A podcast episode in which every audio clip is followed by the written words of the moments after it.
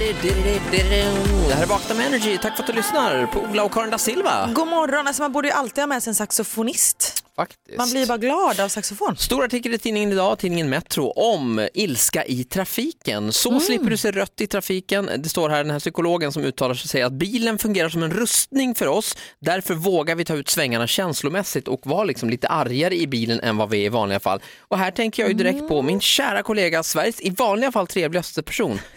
Karin da Silva, för du är ju Ja. helt hopplös i bilen. Du, Ja, men- är, ju, alltså, du är ju en psykopat. Typ. Ja men det är inte mitt fel, det är för att alla andra bilister är idioter. Men varför tror, eller till att börja med, håller du med mig? För jag har åkt bil med dig och verkligen reagerat på att du Ja. är ett asshole. Jag kanske håller med dig. Ja. Men det är, ja, men det är nog för att det, all min ilska måste ju puttra ut någonstans och då kommer det ut i bilen. Det är inte supertrevligt för den som åker bredvid, eller åker med. Nej med men liksom. åk egen bil då. Ja, ja men Alltså, kan man inte bara vara snäll?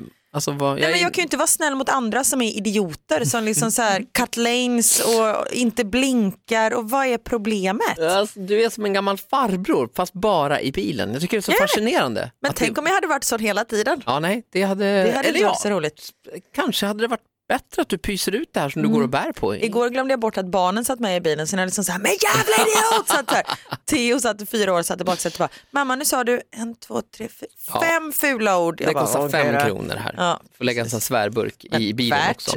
Eh, Du är inte den enda i Vakna-gänget som är lite, har lite problem i trafiken. Fantastiska Farao är inte heller helt safe. Nej.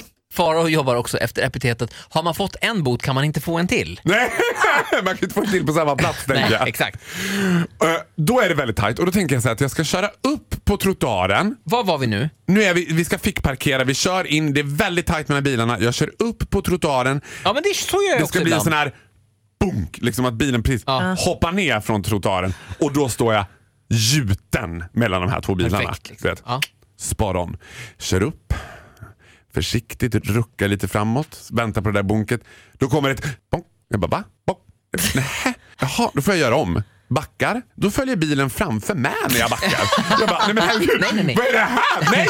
Vänta, jag parkerar först så får du parkera sen. Vad är det här? Jag har alltså, hur jag lyckas med det här, jag förstår inte det, kört upp och då har den en dragkrok. Den har jag hakat fast i för när jag ska bunka upp över den här trottoarkanten så har jag bunkat i dragkroken där framför. Så jag sitter alltså fast i bilen framför. Jag har hakat, själv hakat mig i den här dragkroken. Det här är Vakna med Energy med Ola Lustig, Karin da Silva och, fantastiska Farao! Hej på dig du! Jag älskar att du sänder chockradio. Det upp och ner med den här regeln.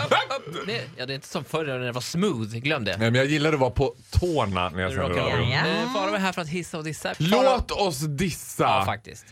Alltså, det värsta jag vet är förbudsskyltar. Alltså inte förbudsskyltar i trafiken utan De de här skiter typ fullständigt i. förbjud...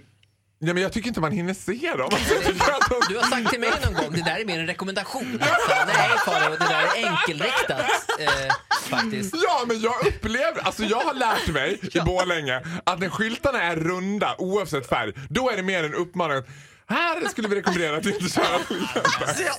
Men om de är trekantiga, då får man inte köra Men du pratar om såna här skyltar nu typ på jobbet. Ja, men Så- här, förbud att röka eller så här. Och då har jag no- noterat en skylt här, som eh, jag gymmar ju väldigt mycket som du vet. Ja. Jag har ju ballat ur på gymmet.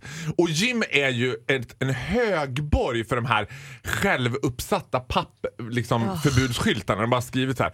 Och då inne i herrarnas bastu så sitter det alltid en skylt där det står förbud att kissa på aggregatet. och då tänker jag så här. Ja, då har man liksom lagt sig platt under tanken på att alla män är djur. Så att om det inte står kissa inte på aggregatet, ja då är vi där! För jag tänkte själv så här. Det kan ju inte stå i tjejernas omklädningsrum, liksom, lägg inga bindor på aggregatet. Nej, det blir så dåligt. Här lägger jag den bindan. Vad är det som driver en om man väldigt gärna vill kissa på aggregatet? Det måste ju ha hänt. Alltså Sats har ju inte satt upp självklart, den där självklart. skylten om det inte är någon som har kiss. Och jag skulle vara lite rädd att det skulle fräsa och skvätta. Typ att, så här, att, det skulle, att rekylen Men på är det. det inte det att det blir någon slags urinfyrverkeri? Att det det blir väldigt mycket effekt liksom? Ja, kanske. Vä- Jag ska träna ikväll. Ja, hörni, det här var fantastiska Farao. Du får en applåd. Tack! Vi ses snart igen. Ett poddtips från Podplay. I podden Något Kaiko garanterar östgötarna Brutti och jag, Davva, dig en stor dos skratt. Där följer jag pladask för köttätandet igen. Man är lite som en jävla vampyr. Man har fått lite blodsmak och då måste man ha mer. Udda spaningar, fängslande anekdoter och en och annan arg rant. Jag måste ha mitt kaffe på morgonen för annars är jag ingen trevlig människa. Då är du ingen trevlig människa, punkt. Något Kaiko, hör du på Podplay. Därför är gardinerna.